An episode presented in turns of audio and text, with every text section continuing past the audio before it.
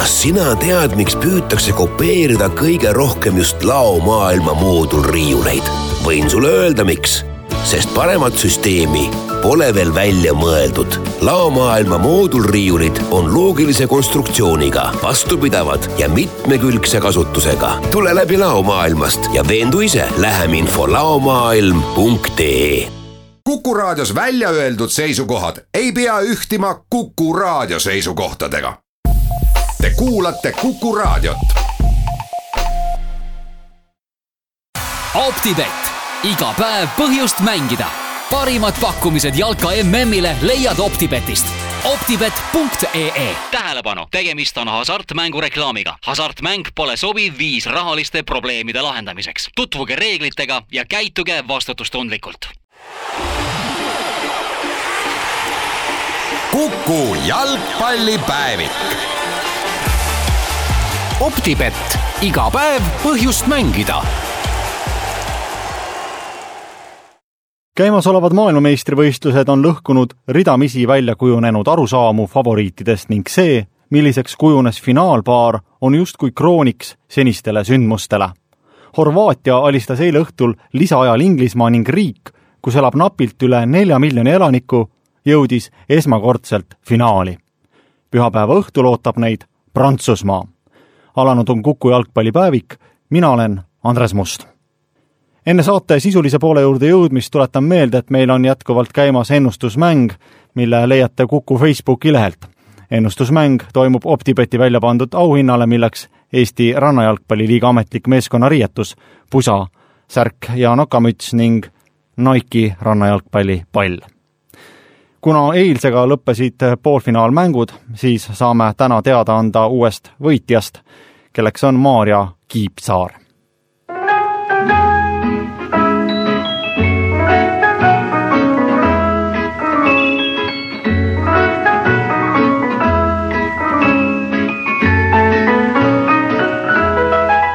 pühapäeval asub Prantsusmaa vigu parandama see, mis juhtus kaks aastat tagasi Pariisis peetud Euroopa meistrivõistluste finaalis, ei tohi sel korral korduda.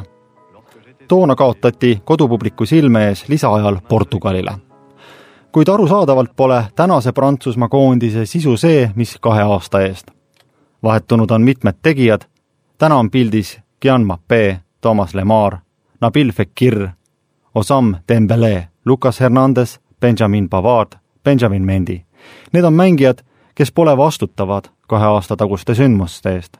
küll on seda ka Hugo Lloris, Rafael Varane, Paul Pogba, N'Golo Kante, Oliver Giroud, Anthony Griezmann ja loomulikult peatreener Didier Deschamps, kelle suurimaks väljakutseks sel turniiril oli säravatest tähtedest moodustada ühine ansambel. ükskõik, kuidas pühapäevane finaal ka lõpeb, on Prantsusmaa igal juhul tõestanud, et ühtse ansambli moodustamine õnnestus neil väga hästi ent turniiri eel polnud Prantsusmaa tugevusest täpselt aru saama isegi nende alagrupi vastastel. suurt tähelepanu pälvis Taani peatreener Hage Hareide kriitika, kes ütles, et Prantsusmaa on suurtest jalgpalliriikidest ainus, keda pole põhjust karta. kuigi Deschamps seda kuuldes vihastus, oli Taani treeneril toetajaid. paljuski on kritiseeritud prantslaste taktikat, mis olnud jutuks ka meie saates kümmekond päeva tagasi ütles Prantsuse väljaande SoFoot ajakirjanik Paul Picard jalgpallipäevikule, et Deschampi meeskonnad ei ole tegelikult kunagi väga silmapaistvalt mänginud ning põhjust sellele tuleb otsida asjaolust, et Deschampis endas on väga palju säilinud Itaalia mentaliteeti. Deschamps on väga pragmaatiline, ainus, mis talle loeb, on tulemus, võitmine. seevastu mängupilt ise pole üldse oluline nii näeme, et Prantsusmaa jalgpalli tänast päeva mõjutab ikka veel toosama Itaalia, riik, mille klubijalgpalli peeti ka kahekümne aasta taguse Prantsusmaa ehk Deschampi enda põlvkonna esiletõusu üheks põhjuseks. kahe järjestikuse tiitli MM üheksakümmend kaheksa ja EM kaks tuhat järel osutati, et Prantsusmaa koondise kvaliteedi tõus langes ajale, mil paljud koondislased kuulusid just Itaalia klubidesse Deschamps koos Zinedine Zidane'iga Torino Juventusesse, Laurent Blanc ja Jüri Tjorkaev Milano Interisse, Lilian Thuram Parmasse, kui nimetada vaid mõned üksikud. Itaalia jalgpallikool andis kindlad raamid, distsipliini ehk omadused, mis Prantsuse jalgpallurite eelnevatele põlvkondadele ehk nii väga omane polnudki. nagu öeldud, Deschampi näol on side kahekümnendi taguse Itaaliaga ikka veel tuntav. Ent globaliseerunud maailmas ammutatakse ideid kõikjalt. meenutame siin, milliseid selgitusi Prantsusmaa tänase edu taustal lisas eespool mainitud Paul Picard mõned päevad tagasi jalgpallipäevikule antud usutuses? Well, I think there's been a, a, a uh, Eh, selle nimel on tehtud muidugi väga palju tööd ja paljuski ulatub see välja üheksakümnendatesse niinimetatud Prantsuse mudelisse, mis pani aluse tugevate ja tehniliste mängijate tekkele.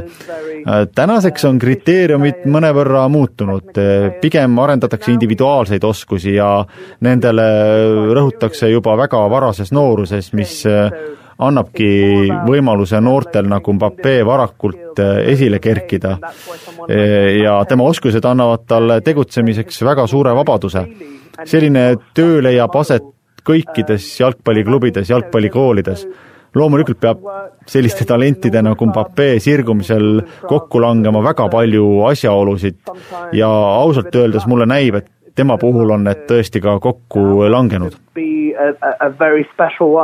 you know.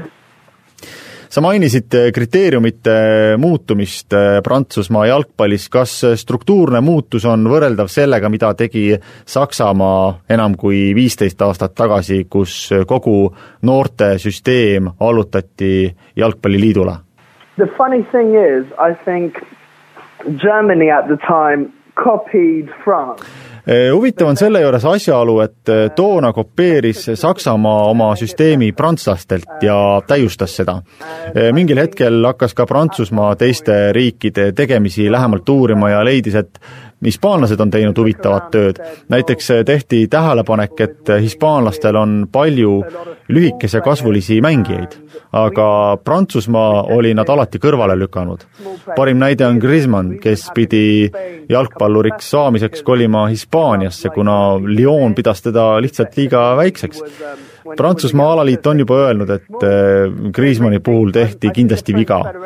ja vaadates ka Saksamaa arenguid, siis tõesti oluline pole nii väga see, kes on füüsiliselt tugevam, kiirem, vaadates Guardiola meeskondi, Messit, Iniestat, kõik see on pannud prantslasi tunnistama varem tehtud vigu. nüüd püütaksegi rõhuda rohkem tehnilistele kui füüsilistele aspektidele. Physical players was one of the key points, I think, to start with. nii leidis Paul Picard. Prantsusmaa peatreenerile Didier Deschampsile on pühapäevane mäng aga omamoodi kaalukas, kuna tal on võimalus oma nimi maailmameistrite nimistus erilisele kohale tõsta. Nimelt võib temast brasiillase Mario Zagallo ja sakslase Franz Beckenbaueri järel saada kolmas mees, kes tulnud maailmameistriks nii mängija kui peatreenerina. maailmameistrivõistluste ajalooraamat igatahes ootab uut sissekannet, mida aga seesama ajalugu Prantsusmaa kohta varem üles täheldanud, seda uurime saate teises pooles Kuku jalgpallipäevik. Optibett, iga päev põhjust mängida À gauche, ils reviennent pas les Brésiliens Allez, à gauche. Emmanuel Petit Allez, à gauche, à gauche, à gauche. Petit. Et but Et troisième Et but. but d'Emmanuel Petit qui marque à la dernière minute L'équipe de France est championne du monde see prantsuskeelne kommentaar siin kirjeldas Prantsuse jalgpalliajaloo kõige tähtsamat hetke, oli aasta tuhat üheksasada üheksakümmend kaheksa, kui Prantsusmaa suutis enda korraldatud maailmameistrivõistlused võita. kuulsime, kuidas kommentaatorid elasid kaasa Emmanuel Petit finaali üleminutitel löödud väravale, mis tõi Prantsusmaale kolm-null võidu toonase tiitlikaitsja Brasiilia üle. kaks väravat oli esimesel poolajal löönud Zinedine Zidane. Je me baladais sur l'avenue, le cœur ouvert à l'inconnu. J'avais envie de dire bonjour à n'importe qui. too suur võit ületas kaugelt spordipiirid. mängujärgsel õhtul ja ööl kogunes San-Eliseele rahvamass. mida polnud seal nähtud Teise maailmasõja lõpu eufooriast alates. umbes üks miljon inimest. prantslased sõltumata soost, vanusest, nahavärvist või usutunnistusest karjusid kiitust Zidanile. vaadates tema pilti kuvatuna triumfikaarele, nõudis Tomass Zidane presidendiks. Alžeeria immigrantide poeg oli Prantsuse rahvale kinkinud karika, mida see nii kaua oodanud oli. usk, et too jalgpallivõit suudab mitmelt poolt kärisema kippunud riigi taas ühendada, oli suur. Prantsusmaa president Jacques Chirac kuulutas selle ka sõnaselgelt välja.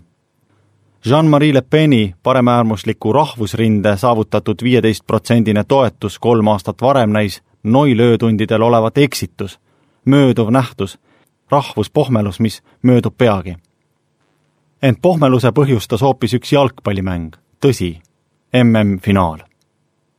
neli aastat hiljem sai Le Pen juba seitseteist protsenti häältest, olles populaarsuselt teine partei riigis.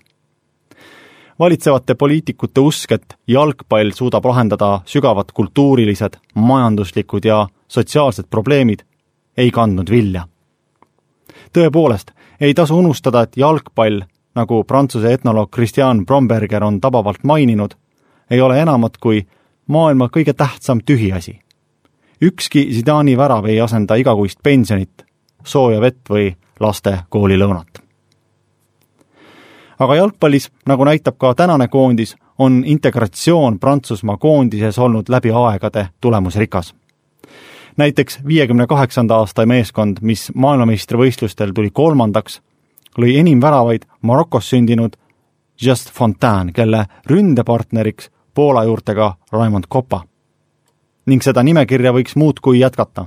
isegi Prantsuse jalgpalli vahest kõige kuulsam mees, Michel Platini, pole puhast verd prantslane, vaid tema juured viivad Itaaliasse. põneva asjakohase statistika avaldas mõned päevad tagasi Briti väljaanne Guardian, kes poolfinalistide koosseise uurides tuvastas, et kõigile neljale on iseloomulik kõrge integratsiooni aste.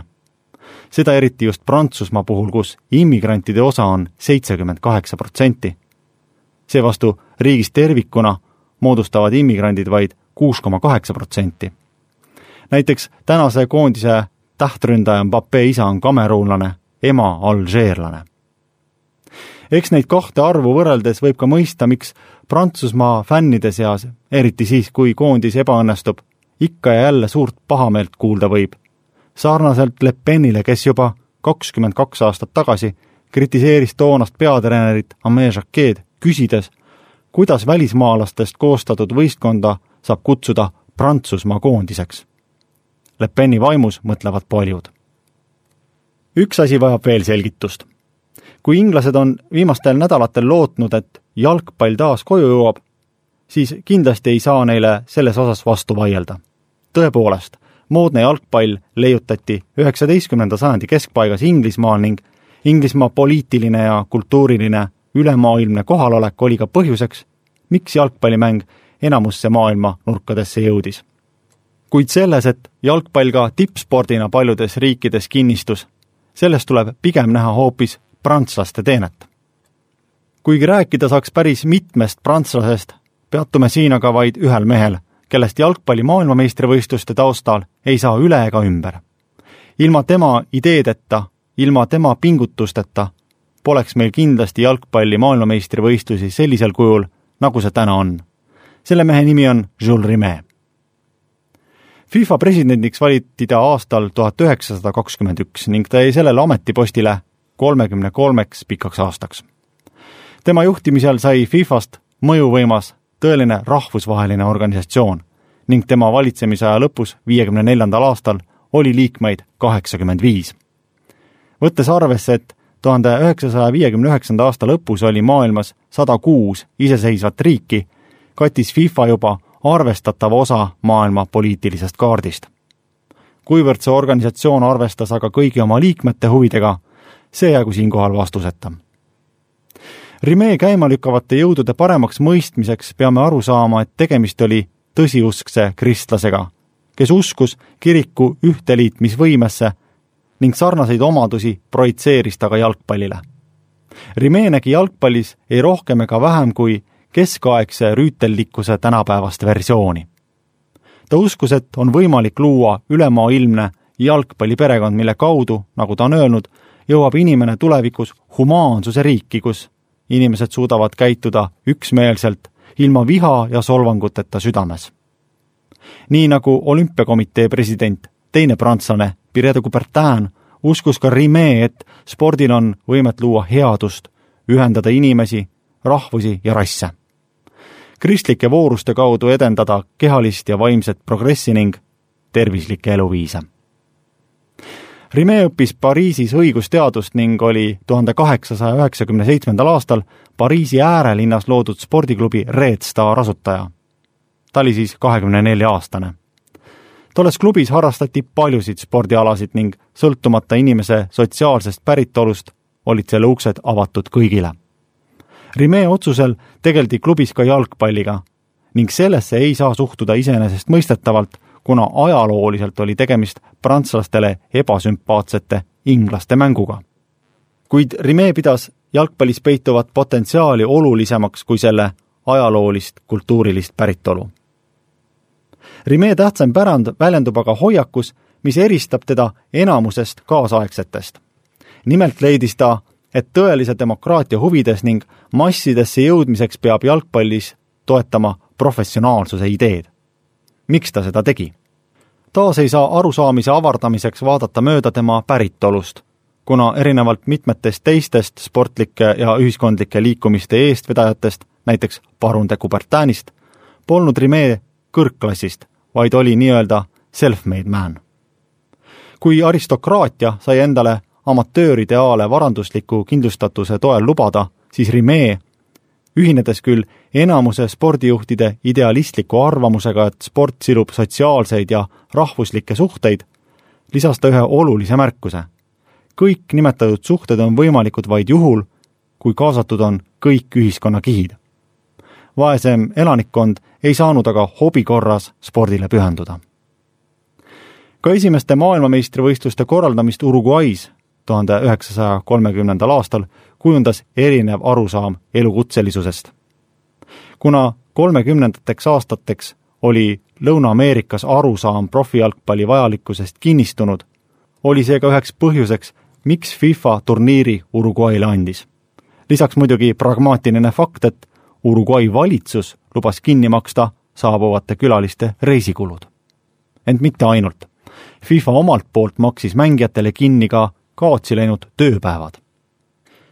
seni oli FIFA rahvusvaheliste võistluste korraldamisel teinud koostööd ROK-iga ning lähtunud seejuures viimase reeglitest. ROK aga tunnistas absoluutset amatöörlust, kus ka kaotsi läinud tööpäevade kompenseerimine sportlastele oli rangelt keelatud. ROK-i ja FIFA teed läksid lahku nii võiks Rimee suurimaks pärandiks jalgpalli arengus pidada jalgpalli selget suunamist elukutselisuse suunas. aeg on näidanud, et just see arusaam tõmbas selge piiri jalgpalli ja olümpialiikumise vahele. olümpialiikumisse jalgpall lihtsalt enam ei sobinud ning vajadus oma turniiri järele muutus hädavajalikuks.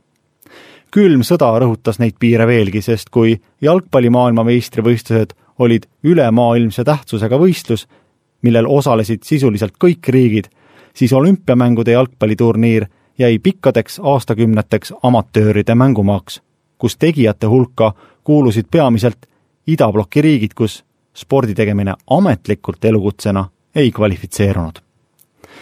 olgu lõpetuseks ka öeldud, et Rimee töö jalgpalli kokkuliitmisel ühiskonnaga ei jäänud tähelepanuta, kuna tuhande üheksasaja viiekümne kuuendal aastal nimetati ta Nobeli rahupreemia kandidaadiks.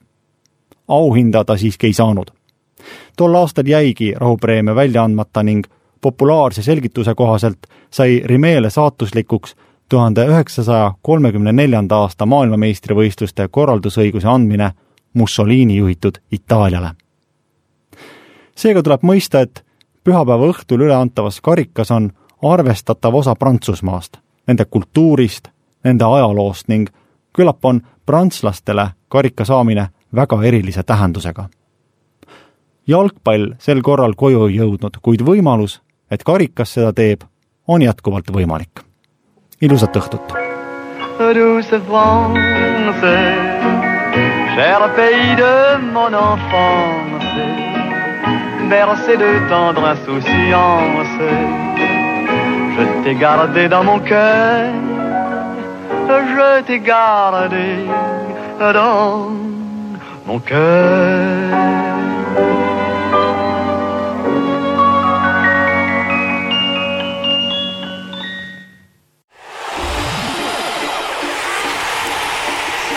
Kuku jalgpallipäevik. optibett, iga päev põhjust mängida